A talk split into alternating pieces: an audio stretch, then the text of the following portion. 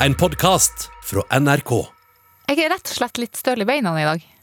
Fordi Fordi jeg har, eh, jeg har lekt med dattera mi. Hun er helt obsessed på fly for tida. Så jeg ligger på gulvet, beina rett opp, og tar sånn motsatt knebøy, hvor hun er på toppen og flyr.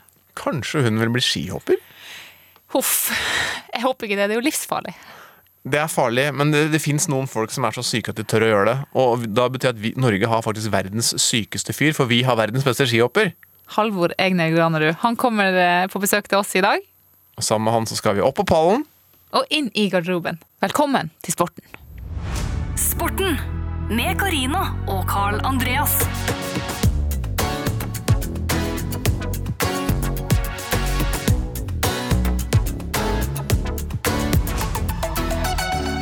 Da vintersesongen starta i høst, så eh, var det jo ikke Halvor Egne Granerud de aller fleste eh, hadde satt sin lit til. Fordi han hadde ikke vunnet kjempemye før sesongen starta. Første seieren tok han i Ruka i eh, 2020, altså for under et år siden. Han endte opp med elleve seire denne sesongen. Det er klart vi har lyst til å snakke med- om han i sporten. Han gikk fra, han gikk fra ingenting til alt omtrent. Og, og, da, og da har det jo skjedd noe på veien der som er eh, Jeg tror alle kan lære noe av, faktisk. Og dessuten så har han eh, gjort noen litt sånn små crazy ting. Som eh, overgår det å sette utfor en eh, hoppbakke på ski, faktisk. Ja, Vi vet at han har hoppa naken, men han har gjort flere ting oss.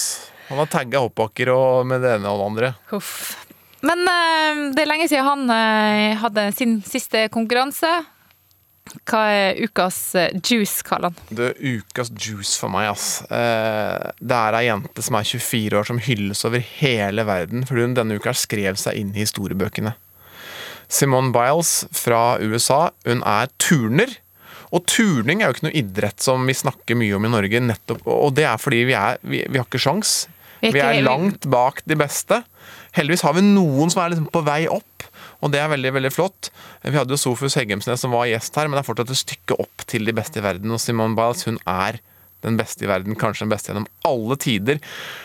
Nå var det OL-kval for USA. Ingen andre kvinnelige turnere har turt å prøve seg på et triks som kalles Jurtsjenko. Som eh, herrene gjør. Det er altså en dobbelt salto pikert. altså Det betyr at du tar tak i beina dine, strekker ut beina, så drar du det inntil kroppen. Og vet du hva? Nå skal, du, nå skal du der ute få høre lyden av trikset som er så farlig at ingen kvinner har turt å prøve før. I, I mean, since the very first moment that we actually saw this with our own eyes right in front of us, I, it has been absolutely unbelievable to watch every single time. Here we go.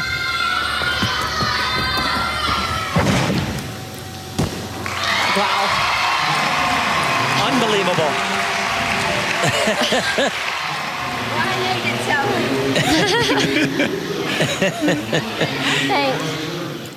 Altså, De vet nesten ikke hva de skal si engang. De tror ikke at det er mulig at en kvinne kan gjøre disse doble snurrer altså opp på hesten. Og, og, og så tar hun det, nå bruker jeg ikke helt turnuttrykk, altså alle skal være med, hun tar en salto opp på hesten før hun tar nye to saltoer i lufta og lander. Altså Det er helt utrolig. Du kan, du kan lese en sak om dette på nrk.no, og der kan, også se, der kan du også se klippet. Men er det ikke utrolig rått med en kvinne som på en måte pusher grensen og gjør ting man ikke trodde var mulig? Det er kjemperått. Eh, og turn er en helt vill idrett. Det jeg syns er litt eh, synd, er jo at eh, blant unge jenter så er jo turn den største idretten i Norge. Alle vil jo begynne på turn når du er liten, men så stopper det. Hvorfor blir det ikke noe mer? Jeg tror, og det her er kanskje mulig at det er en liten brannfakkel, men jeg tror kanskje det er fordi vi ikke tillater konkurranse tidlig nok. Ja, kanskje. Biles er altså 24 år, hun har allerede fire OL-gull og 19 VM-gull, så hun har nok starta ganske tidlig med dette her. Var, det, var ikke, det var ikke noe diskusjon om hun skulle være med da hun var 16, for å si det sånn. Nei. Så, eh, men eh, det er klart eh, Det er ikke sikkert det er sunt heller. Eh, Å begynne så tidlig, og det er ikke sikkert kroppen til Simone Biles eh, er like eh, smidig når hun skal stå opp da, som 40-åring. Det, det kan jo være noe å tenke på. Ja. Det jeg har tenkt mye på denne uka, er jo eh, sykling, faktisk. Fordi eh, vi har mange gode syklister i Norge. Og vi har hatt mange gode syklister. Og de vi husker, de vi har et forhold til, er jo på TV nå med Dag Erik Pedersen og Dag Otto Lauritzen og Tor Hushovd og Tord Asle. Det, du kan, du kan Asle. Du tenker sett- på langrenn, du, som vanlig. ja. Vi har mange gode syklister i Norge, og vi husker dem fordi de har vunnet etappeseiere. Og nå har jeg lyst til å slå et slag for en som ikke har vunnet etappeseiere, men som gjør det helsikes godt likevel. Tobias Foss. Han er altså i gang med en, eh, en historisk bragd i Giro d'Italia. Han er, ligger an til å få en topp ti-plassering. Eh, Dag Erik Pedersen er den eneste som har en topp ti-plassering i et sånt her eh, ritt som varer over flere uker. Du har jo Vueltaen, du har eh, Tour de France, som varer lengre eh, enn bare noen enkelte distanser. Så det er jo krevende å holde på i så mange uker.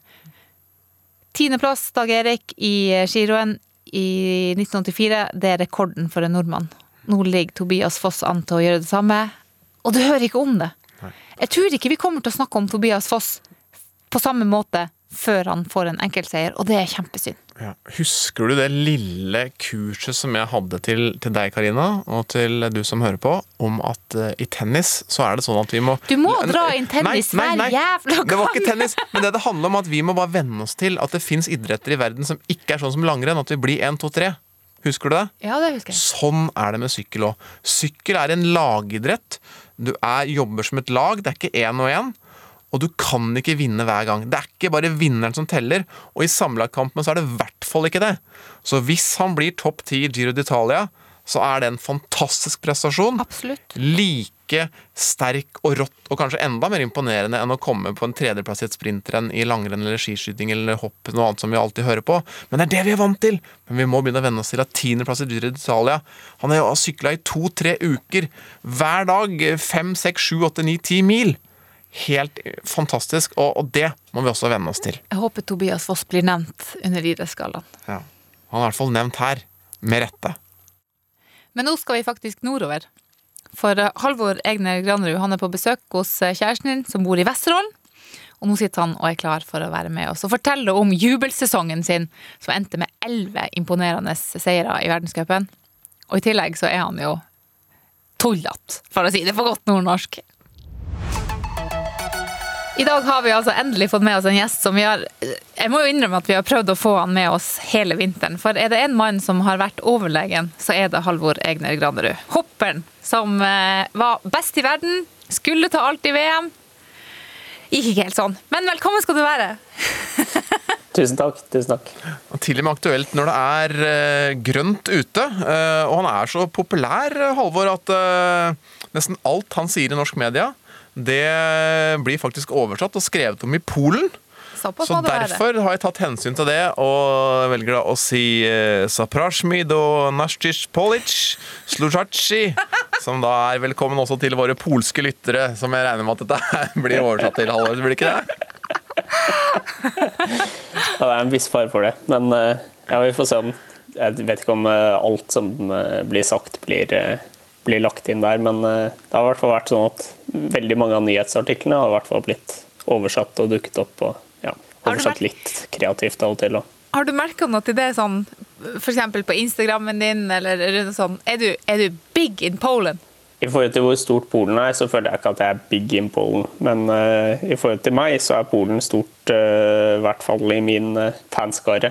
Tror jeg kanskje er bedre å si det. Men uh, de er jo veldig interessert i skihopping i Polen. Og nå sa jo, Du skal jo selvfølgelig få fortelle litt om dette her, da, med, for det, sesongen din var jo egentlig helt fantastisk. og Du vant verdenscupen og vant så mange verdenscuprenn at det ble nesten kjedelig for alle de andre. Så ble jo ikke eh, VM helt som eh, du håpet på, da.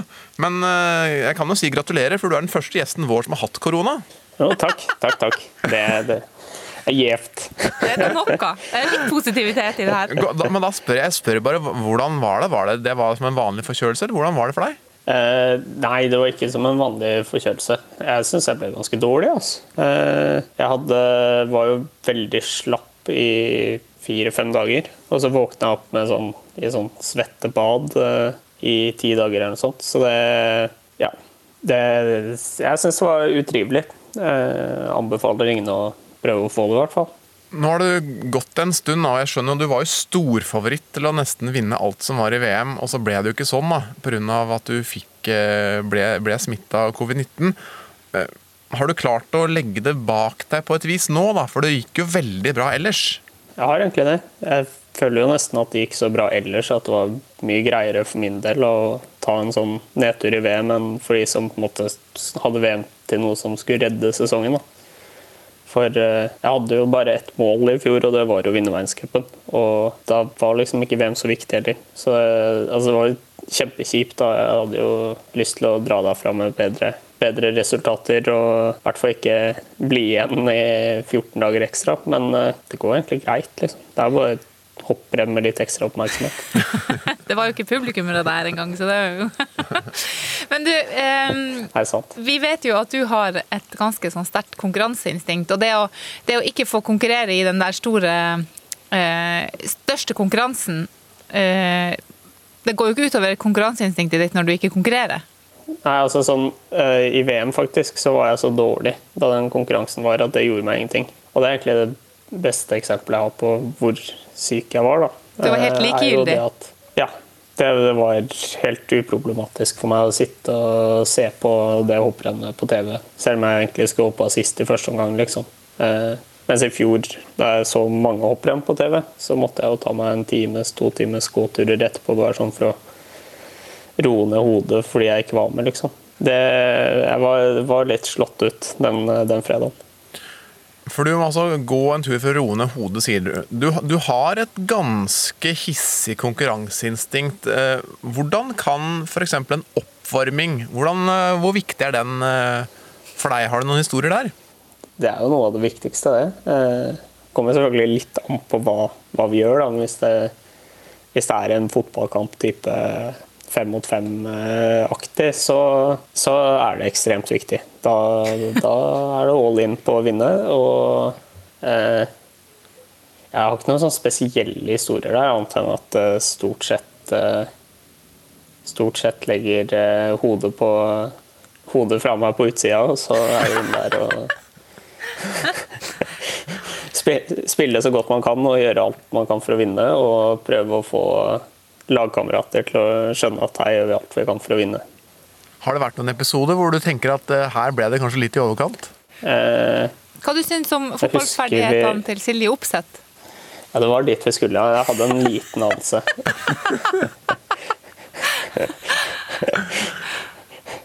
Eh, nei, altså hun er jo ikke Hun er jo ikke et ballgeni, det er hun ikke. Men eh, hun, har, hun har mye innsats, eh, så der eh, kommer hun langt. Men eh, jeg tror kanskje det det refereres til her nå, er en samling vi hadde i Østerrike hvor vi skulle spille fotball, og jeg lurer på om hun hadde gitt beskjed om at hun ikke turte å være på lag med meg dagen etterpå. eller noe sånt. Så Det er gøy, da!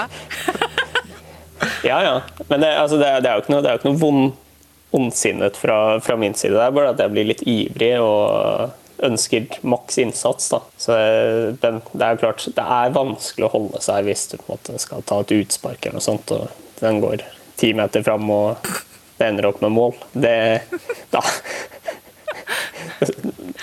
da må det jobbes litt. Men eh, altså, ja. Og så kan jeg kanskje ha et litt tydelig kroppsspråk, da, så selv om jeg på en måte ikke blir så sint som det kanskje ser ut som, så kan det se ut som jeg blir veldig sint. da.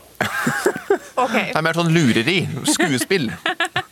Det konkurranseinstinktet ditt, eh, hvordan har det hjulpet deg som, som utøver? For at det gikk dårlig i veldig mange år, og du har hatt noen intervjuer på TV hvor du nesten skulle både kaste hoppskia og drive med noe annet, og så klarte du å stå i det, være tålmodig, og ble verdens beste skihopper. Hva skyldes det, og hva har det med konkurranseinstinkt å gjøre? Jeg er litt usikker. Eh, Jeg er litt usikker på hva som måte, har gjort jeg har fått til det jeg har fått til. Og hvilke, måte, hvilke egenskaper jeg har som har gjort det. Men jeg, i hvert fall sånn det siste året da, så føler jeg at det har jo mest vært det at jeg har klart å dempe det konkurranseinstinktet litt. At jeg har klart å se litt større på ting. altså Se på ting som bare Eh, bare et par hopprenn og eh, klare å være tålmodig. Da. Det er jo det som er vanskelig. Eh, det å jobbe med noe som du har veldig lite framgang med, og så fortsette å jobbe med det fram til alle de små stegene framover blir et kjempesteg. Har det vært vanskelig å redusere det? Ja, I fjor sommer så måtte jeg veldig jobbe knallhardt egentlig med meg selv for å ikke bare gå på veggen og prøve å komme på noen raske løsninger som kunne gjøre at jeg ikke hoppa 30 meter kortere enn eh, de andre på laget. liksom. Ja, jeg klarte å stå i det, men eh, det var, eh, det var ikke lett. Ja, altså, jeg har skjønt at dere har hatt en greie i, i vinter på hopplandslaget. Eh, at dere har rett og slett snakka litt sånn norsk-amerikansk. Hvordan har det hørtes ut? Nei, jeg vet ikke helt. Det, det har jo bare Det var jo bare noe som ble litt til underveis. Eh, Jeg tror kanskje det var en sånn greie vi bare begynte med for å måtte løse litt opp i stemningen. Og da var det sånn at det bare pratet sånn hele lunsjen, liksom? Eller hele dagen, eller? Nei, Det var spesielt når vi diskuterte skihopp. Skihopping, ja. Eh, Så ja, altså du diskuterer jo, og bare Jeg ble kanskje litt sen på den takeoff og litt, eh, litt sånn, da. ja. Veldig viktig med landing Og det- det var jo- Telemark. Ja, det er viktig med telemark, eh, så vi kan få gode start points. Så det er, det er bare noe vi begynte med, og det fungerte ganske bra. Ja, så det holdt, holdt på med det bare en fire-fem måneder, kanskje? Nei, det var heldigvis ikke hele, hele vinteren. Jeg tror jeg hadde blitt litt slitsomt. Hopperne blir jo sett på som noen gærninger. Jeg har jo spurt noen sånn er, altså er Halvor en smart fyr? Og så fikk jeg ja, han er nok smart, men du er vel ikke så smart hvis du driver og hopper skiflygning, f.eks. Eh, så for det er livsfarlig ikke sant, å drive med skihopping. Så jeg ser jo for meg liksom på idrettsgallaen så skihopperne kommer, og så ser, kikker folk bort på de gærningene som hopper i bakken, og så sitter det sånn Ja, veldig bra konkurranse, og det er skikkelig bra her. Så, ja, jeg tenkte meg, ja, de er faktisk gærne. Ko-ko! Det hadde sikkert endt opp sånn hvis vi hadde blitt satt på samme bord på idrettsgalla nå. Det var nok det. Nei, men jeg tror, ikke, jeg tror ikke vi er egentlig så innmari gærne. Det er vel heller det at vi har en stor tro på oss selv og har lært oss til å akseptere risiko. Da, og eh, akseptere frykten og klare å overkjøre frykten med det at vi vet at det kommer til å gå bra. Eller stort sett går bra. Jeg lurer da på Det var jo en eh, Det var jo et veldig stygt fall i vinter, og det var med en lagkamerat. Det var Daniel André Tande, det var skiflygning i Planica. Han ender jo oppe og ligger i koma i flere dager, og er jo eh, Heldigvis så gikk det jo bra. Og han er jo nå tilbake igjen og blir tatt ut på landslaget og er med på samlinger, men dette var jo en god venn, og han faller stygt. Jeg vil jo anta at dette har satt noen tanker i spill hos deg og alle andre. Ja, det er noe av det jævligste jeg har vært med på i på en måte, kanskje livet. Eh, For det, det er jo en av mine beste venner liksom, som eh, blir fløyet av gårde i helikopter, og eh, jeg så at han ble dytta inn i eller båret inn i helikopteret, og det tok av og stakk av gårde, og så skal du opp og hoppe første omgang, liksom. Det, det var helt eh, Ja, det var utrolig surrealistisk ekkelt, på en måte. Det, det føler alt bare ble Altså, hoppinga ble så utrolig viktig, da. Eh, Så det var jo Hele den helgen her så brukte jo på en måte første delen på å lure på åssen det gikk, eh, og så andre helgen på å håpe at han eh, alt kom til å gå bra. Og nå virker det som om alt går veldig bra. Og han er seg selv og ja, det har vært veldig, veldig hyggelig de gangene vi har, vi har møttes og prat, eh, pratet sammen etter, etter at han kom tilbake igjen til Norge. Men eh, den helgen var eh, grusom. Men klarte du å legge han bort i det, altså et eneste sekund, eller var han i hodet ditt hele tiden? Altså når du gikk opp, satt på bommen, fløy, var han der hele tiden da? Eller klarte du å legge det bort? Han var der stort sett hele tiden. Eh, Det var sånn på den første konkurransen, det var jo eh, rett etter at han tryna. Han tryna i prøveomgangen til eh, rennet på torsdagen. Og i første omgangen da, så Det var, det var så tydelig, da. eh, For at jeg på en måte gikk ut på bommen, hadde veldig fokus på hoppet mitt. Hadde det i ca. 15 sekunder. Eh, Og så har vi sånn lystavle. Det er på en måte 45 sekunder, og så hvis du ikke har fått grønt lys da, så blir du tatt av bommen. Eh, Og så var jeg på en måte de første 25 sekundene så var jeg på en måte veldig klar på å hoppe, og så ble det fem sekunder til, og da begynte det å bli litt sånn halvveis. Og så var det fem sekunder til, og da bare kjente jeg at nå, nå håper jeg det bare går til rødt, for nå, nå er jo hodet mitt et helt annet sted. Og så ble det grønt, da, og så slapp jeg bommen, og så ble det nummer 37.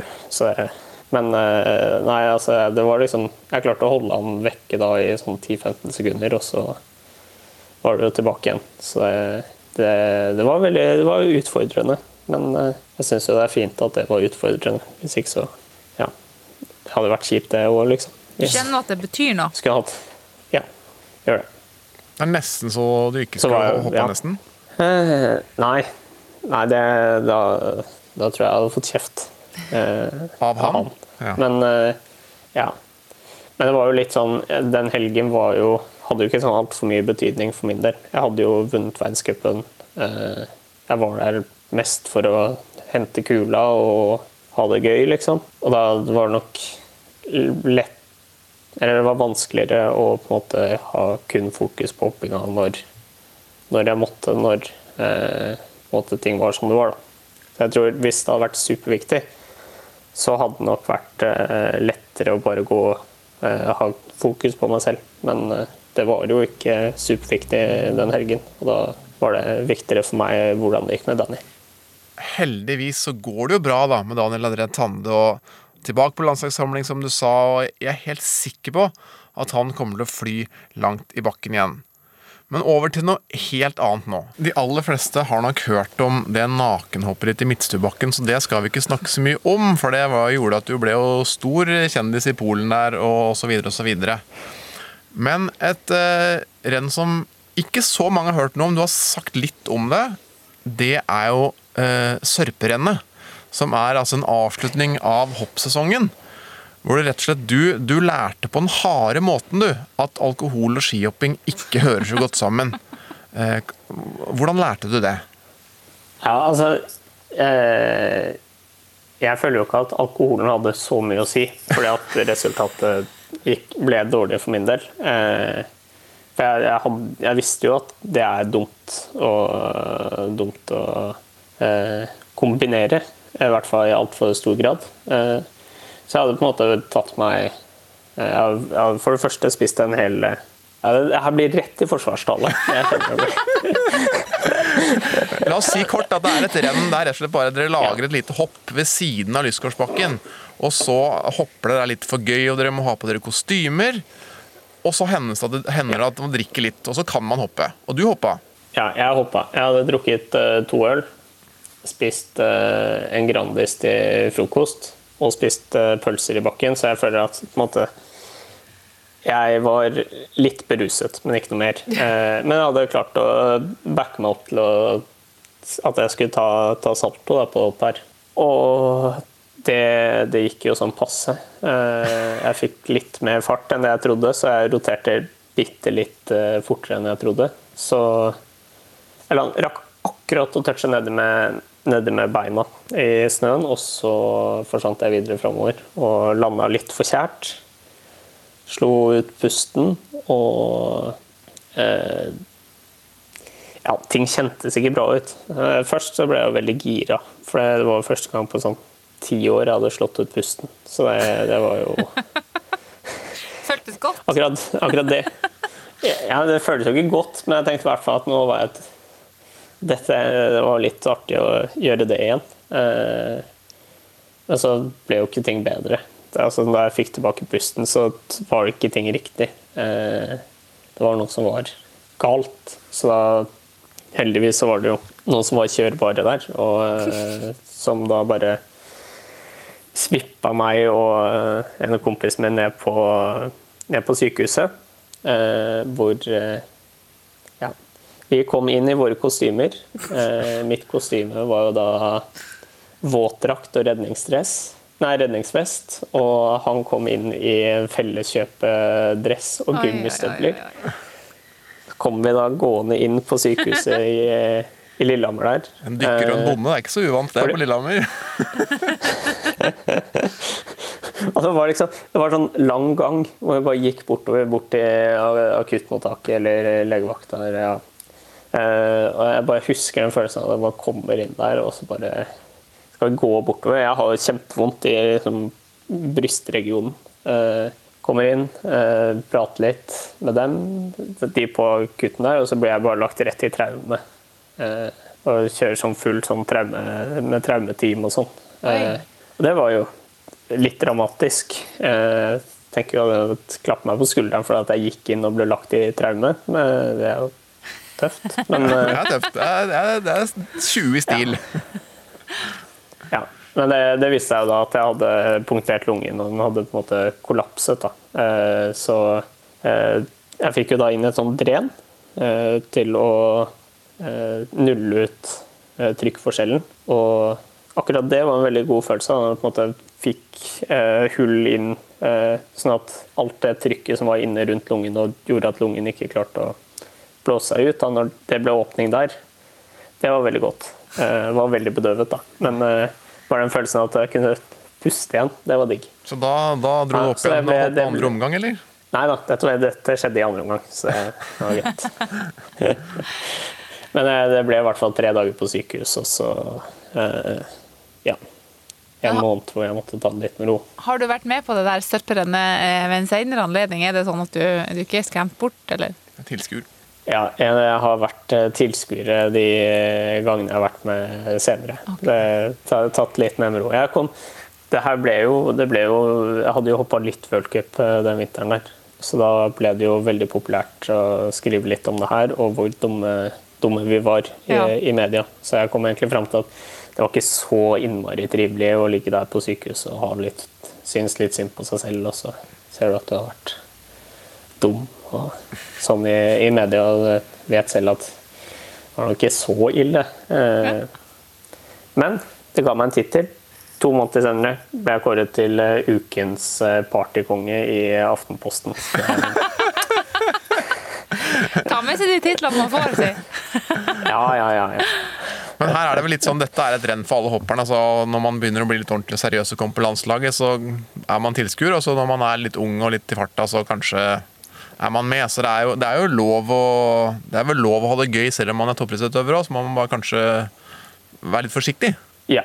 ja. Eh, Det syns jeg. Altså, jeg tenker jo at hvis i hvert fall for min del. Hvis jeg, hvis jeg begynner å bli så redd for å gjøre ting pga. idrettskarrieren min, så syns jeg ikke at det er verdt det på en måte, å holde på med noe hvis du skal være så redd for det. Redd for å skade hele tiden, eller redd for å ja, redd for å ha det gøy i frykt for at uh, du skal på en eller annen måte bli skada. Det syns jeg det blir litt dumt. Men alt med måtehold, da, selvfølgelig. Altså, det er jo forskjell på det å hoppe ut fra andre etasje for å se hva som skjer, og måtte bare ikke, ikke umiddelbart Altså ikke tørre å gjøre sånne veldig enkle ting i frykt for å skade da. Eh, Men sørperennet er nok greit å bare stå over. Men det går jo an å ha det morsomt eh, sånn, eh, uten, uten sånn at man, det er fare for liv og helse. For eksempel så kan man jo pynte på eh, noen norske nasjonalmonumenter. Ja, for du er jo, du liker jo å tulle litt. Vi har fått fortalt, du liker å tulle litt, grann, og du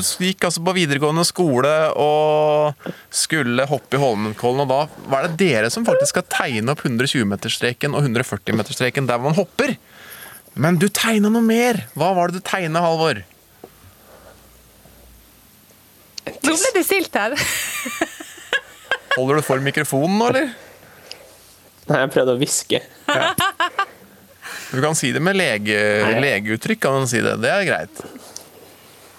Ja. Nei eh, Jeg tenkte jo at det hadde vært eh, vært gøy å eh, At det var gøy å tegne en penis i Så det, så det, det, gjorde, det gjorde du. Ja, så det, det gjorde jeg, da. Eh, på ca. sånn 110 meter. Så på en måte skulle fly over den og ned, da. Eh, Var den stor, eller? Altså, jeg, Den var nok ikke liten. Uh, men jeg vet ikke altså, I, i, en, I en K120 meter, da, hva er en stor penis? Uh, Ja, det er klart.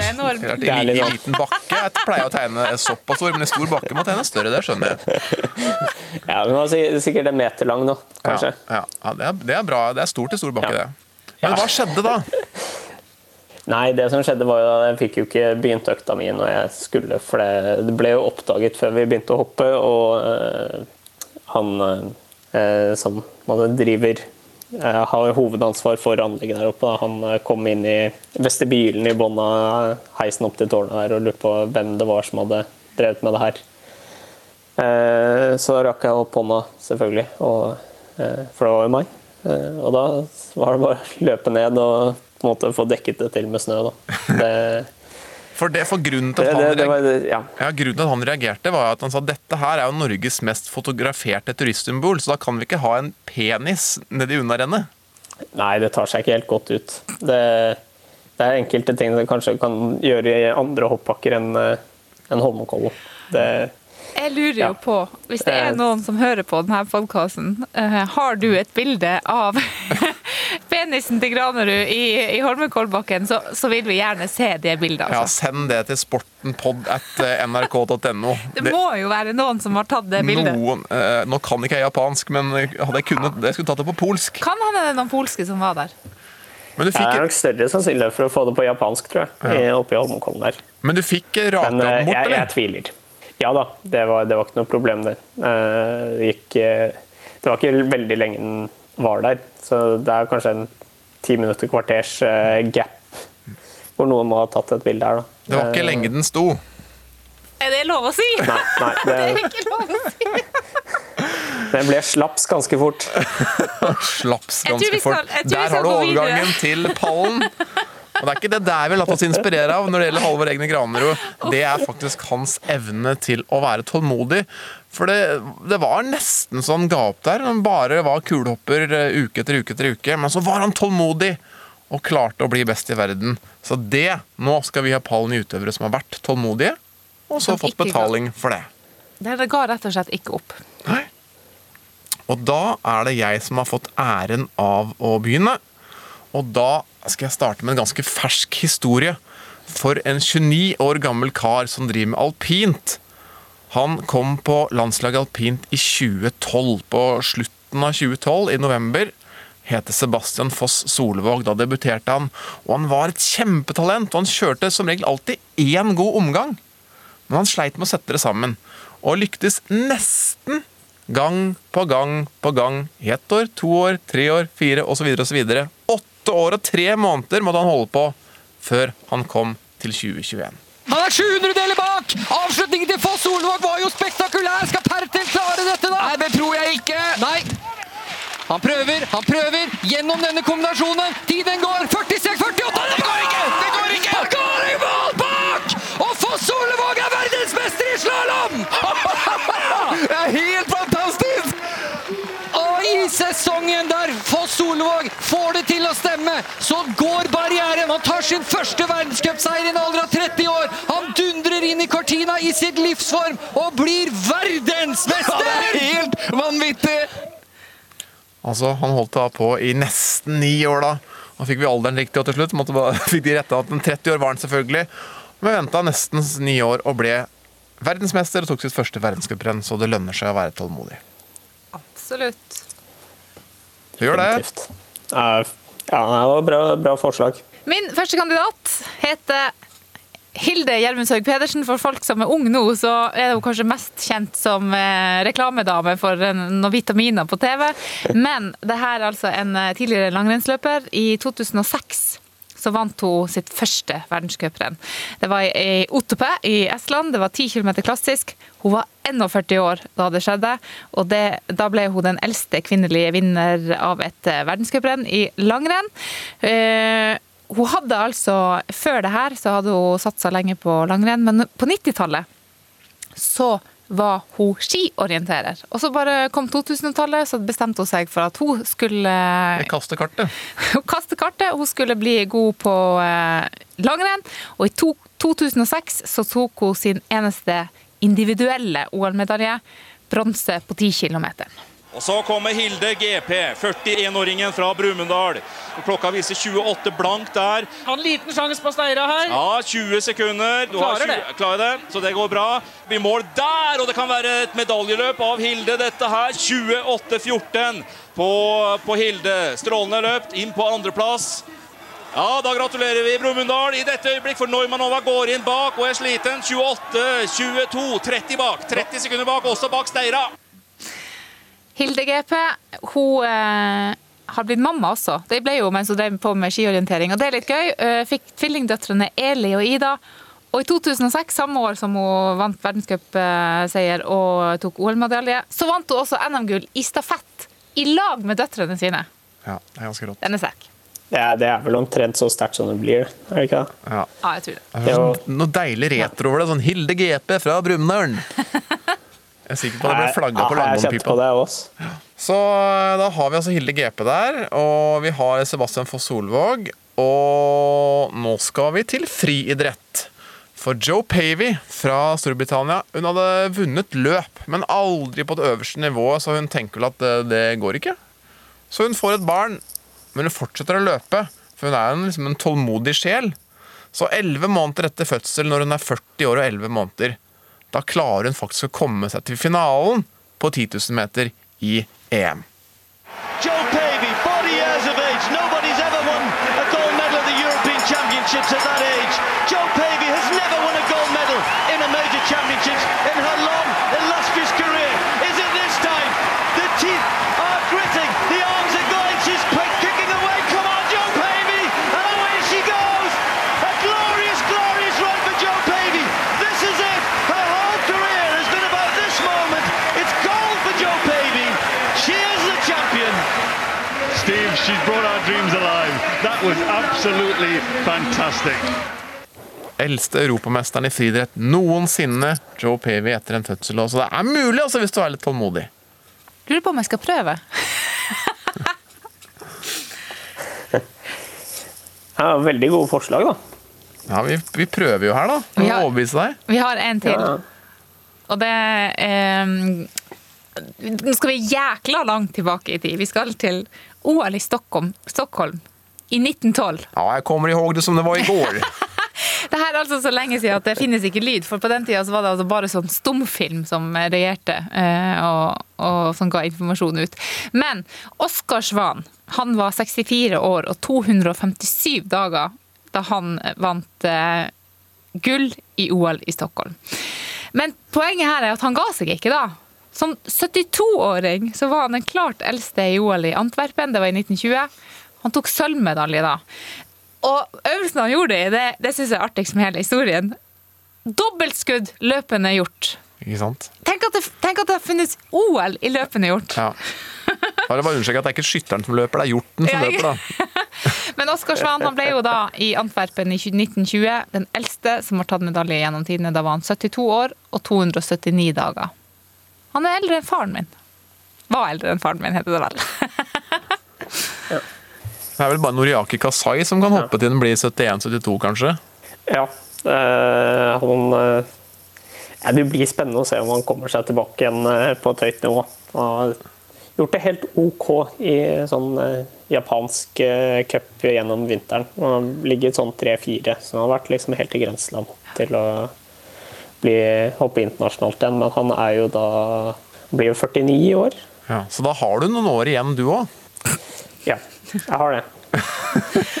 Ok, Oppgaven din her, eh, Halvor, er jo å rangere mm, de her fire pan eh, kandidatene. Joe Pavey, altså. Sebastian Foss Solvåg.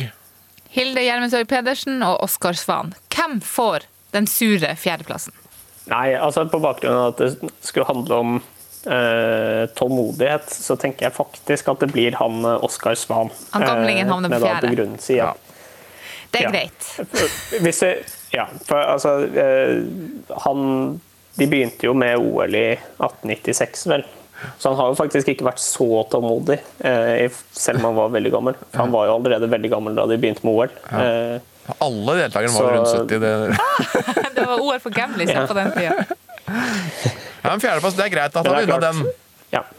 Og på pallen, da? Tredjeplass. Joe Pavey, Sebastian Jeg- Foss Solvåg og uh, Hilde GP. Jeg tror Jeg tror Jeg tror faktisk det blir uh, Hilde GP. For hun, eh, så vidt jeg husker, så var hun jo veldig god i skiorientering. Ja, ja, hun var den beste, men det er jo tre stykker som holder på med det. Ja. Nei da. Det, det er flere enn det. Ja, for nå, Så, nå snakker du er en orienteringsfyr, Ja, du. Han kommer fra orienteringsfamilie. Ja, så, eh, men det trekker jo litt ned på tålmodigheten, det at du på en måte har vært der, gjort alt eh, underveis. Da. Så veien, veien fram til du tar den seieren som 40-åring, den er ikke så tung. Og så tror jeg det blir eh, Joe Pavey på andreplass. Av at, ja, ikke noe annet enn at jeg syns det var utrolig kult med Foss Solvåg i, i løpet av vinteren. og det å på en måte se noen ta det aller siste steget når du har holdt på så lenge og vært liksom så nærme å være skikkelig god så lenge, og så klarer du det og ender opp med å vinne et VM-gull, det syns jeg var sykt tøft. Eh, Så da får han seieren her òg. Så da ble det gull, da! Til Sebastian Foss Solvåg. Veldig fortjent. Ja, det er, det er bare å gratulere. Og det var helt rått, altså, rett og slett. Og vært så nærme så lenge òg. Mm. Nei, altså det, det er jo det som er Ja, hvis du er liksom helt der i vannskorpa på det å på en måte være helt oppi der, eh, så er det veldig vanskelig å være tålmodig. For du har Drømmen er så, nær, så nærme, men samtidig så er det på en måte Ja, nei, så han får den. Da lurer jeg på en ting. Han var tålmodig og holdt ut i mange, mange år. Eh, noe av det mest fascinerende med hopping er at det er en idrett hvor du plutselig kan være best i verden. Du, kan, du vet aldri hva du kan forvente før en ny sesong. Men det betyr også at mange av de som har vært kjempegode, plutselig er helt borte. Og da er det jo lett å spørre deg, for nå har du vært helt rå. Hva er din følelse foran neste sesong, og hva tenker du om dette her? For det, den historien vet jo du også, om hoppere som plutselig kommer og plutselig blir borte. Jeg er veldig innstilt på at det ikke skal gjelde meg, eh, og har på en måte er veldig klar på at den sommeren jeg skal gjennom nå, den er nok, eh, blir nok vanskeligere enn den sommeren jeg hadde i fjor. Eh, selv om jeg på en måte ikke i like stor grad skal finne ut av hvordan jeg skal hoppe på ski og lære meg å hoppe litt sånn på nytt. Men det er så mange andre utfordringer. da. I det at med en gang jeg gjør dårlig hopp på trening, så kommer, så jeg, kommer i hvert fall jeg til å kjenne på at jeg faller nå rakner alt. Og på en måte den mentale utfordringa der, da, det tror jeg blir vanskelig. Men eh, jeg skal i hvert fall legge ned en like god innsats som i, som i fjor. Og gjøre det jeg kan for å måte, bli best neste år òg. Jeg tror at du kan nå målene din neste år hvis du husker på tre ting. Det ene er at du er tålmodig. Det andre er at du ligger unna sørperennet og er tilskuer der. Det tredje er at du ligger unna de markeringssprayene i hoppbakkene rundt omkring i verden. Det, det, det skal jeg prøve på. Det høres overkommelig ut. Sørperennet er allerede på en måte, blitt uh, kansellert eh, pga. Ja, verden om dagen. Eh, og de to andre tingene, spesielt den første, skal jeg prøve å være flink på. Markeringsbein er jeg litt mer usikker på, men uh, tålmodig skal jeg prøve. liten prøve. trang til å tegne litt i bergiserbakken, ja. kanskje. Så hvis noen av dere der ute ser en liten penis i en bakke, så vet dere hvem sin signatur det er. Ja, nei, men hvis, hvis det er noen unge hoppere som hører på, så kan de jo få Det er ikke noe, det er ikke noe lurt. Eh, Ikke, ikke tegn eh, peniser i hoppbakken. Okay. Eh, Ser, ser ikke bra ut. Det får være moralen. Tusen takk for at du var med oss. Ehm, takk for mye moro gjennom sesongen som gikk. Vi gleder oss enda mer moro til OL-sesongen. Det gjør vi. Halvor, artig type. ass. Fremstår ikke sånn med en gang. Derfor er det så gøy når liksom kommer, du kommer inn i gryta, liksom. Inn i garderoben. Uff. Har, du merka at jeg har vært litt lessen i dag? Litt lessen. Litt Litt svensk, litt lessen. Ja, det er jo litt, litt eh, Du har vært litt sånn eh, Jeg satt jo oppe til langt på natt i går. Fordi United spilte finale i, i Europaligaen, altså Manchester United. Ja. Og så tapte de på straffekonk mot Villarreal. Og jeg er jo pro straffekonk. Jeg syns straffekonk er det mest underholdende eh, måten å avgjøre en kamp på. Så jeg er veldig for det. Men jeg syns ikke det var noe gøy når United tapte. Jeg syns ikke det. Jeg syns ikke det var noe gøy, fordi Solskjær burde jo kanskje ha bytta keeper før, eh, før denne straffekonkurransen. ja. Det var altså endt opp med Det var ti fantastiske straffer. Altså, Alle var det én bom, og det var De Gea som, eh, som bomma keeperen, som ikke redda, og bomma, så han ble den store syndebukken. Og det var jo altså Solskjær er ett spark unna å bli eh, genierklært for at han har løfta United, men nå er det ikke helt krise igjen. Nei, det er ikke krise. Vi skal spille Champions League neste sesong. Champions League! Herregud, vi ble nummer to, må du Ja, huske. men det var litt Manhattan-grått i går, ass.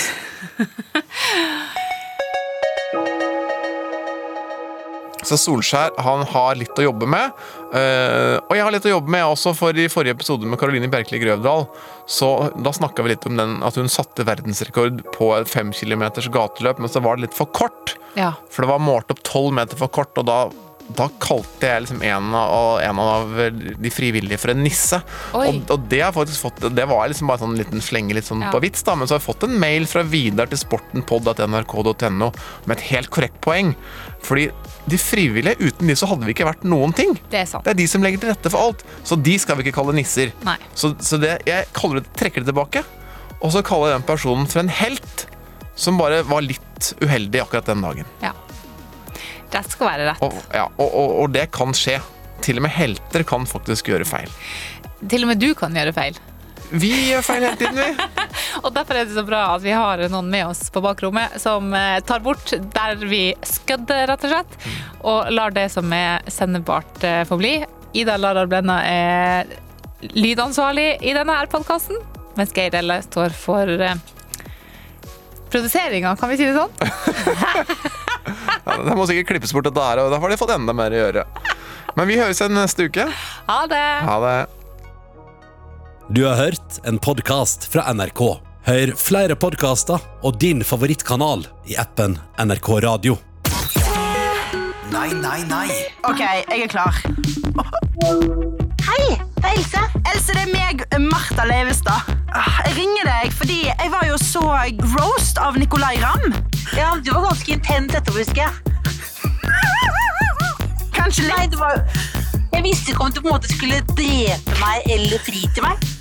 Mener du det? Ja. Fordi jeg har bare dette minnet av at jeg sier et spør deg om du syns at jeg er teit. Ja, det syns jeg jo øh, ikke. Og så spurte du om hvordan jeg på en måte sjekket opp menn og sånn. Da følte jeg du mente det ironisk. For det vet jo både du og jeg at det er jo ikke jeg. er jo på en måte som en sånn østers. Nei, nei, nei. Splitter ny podkast fra NRK P3. P3.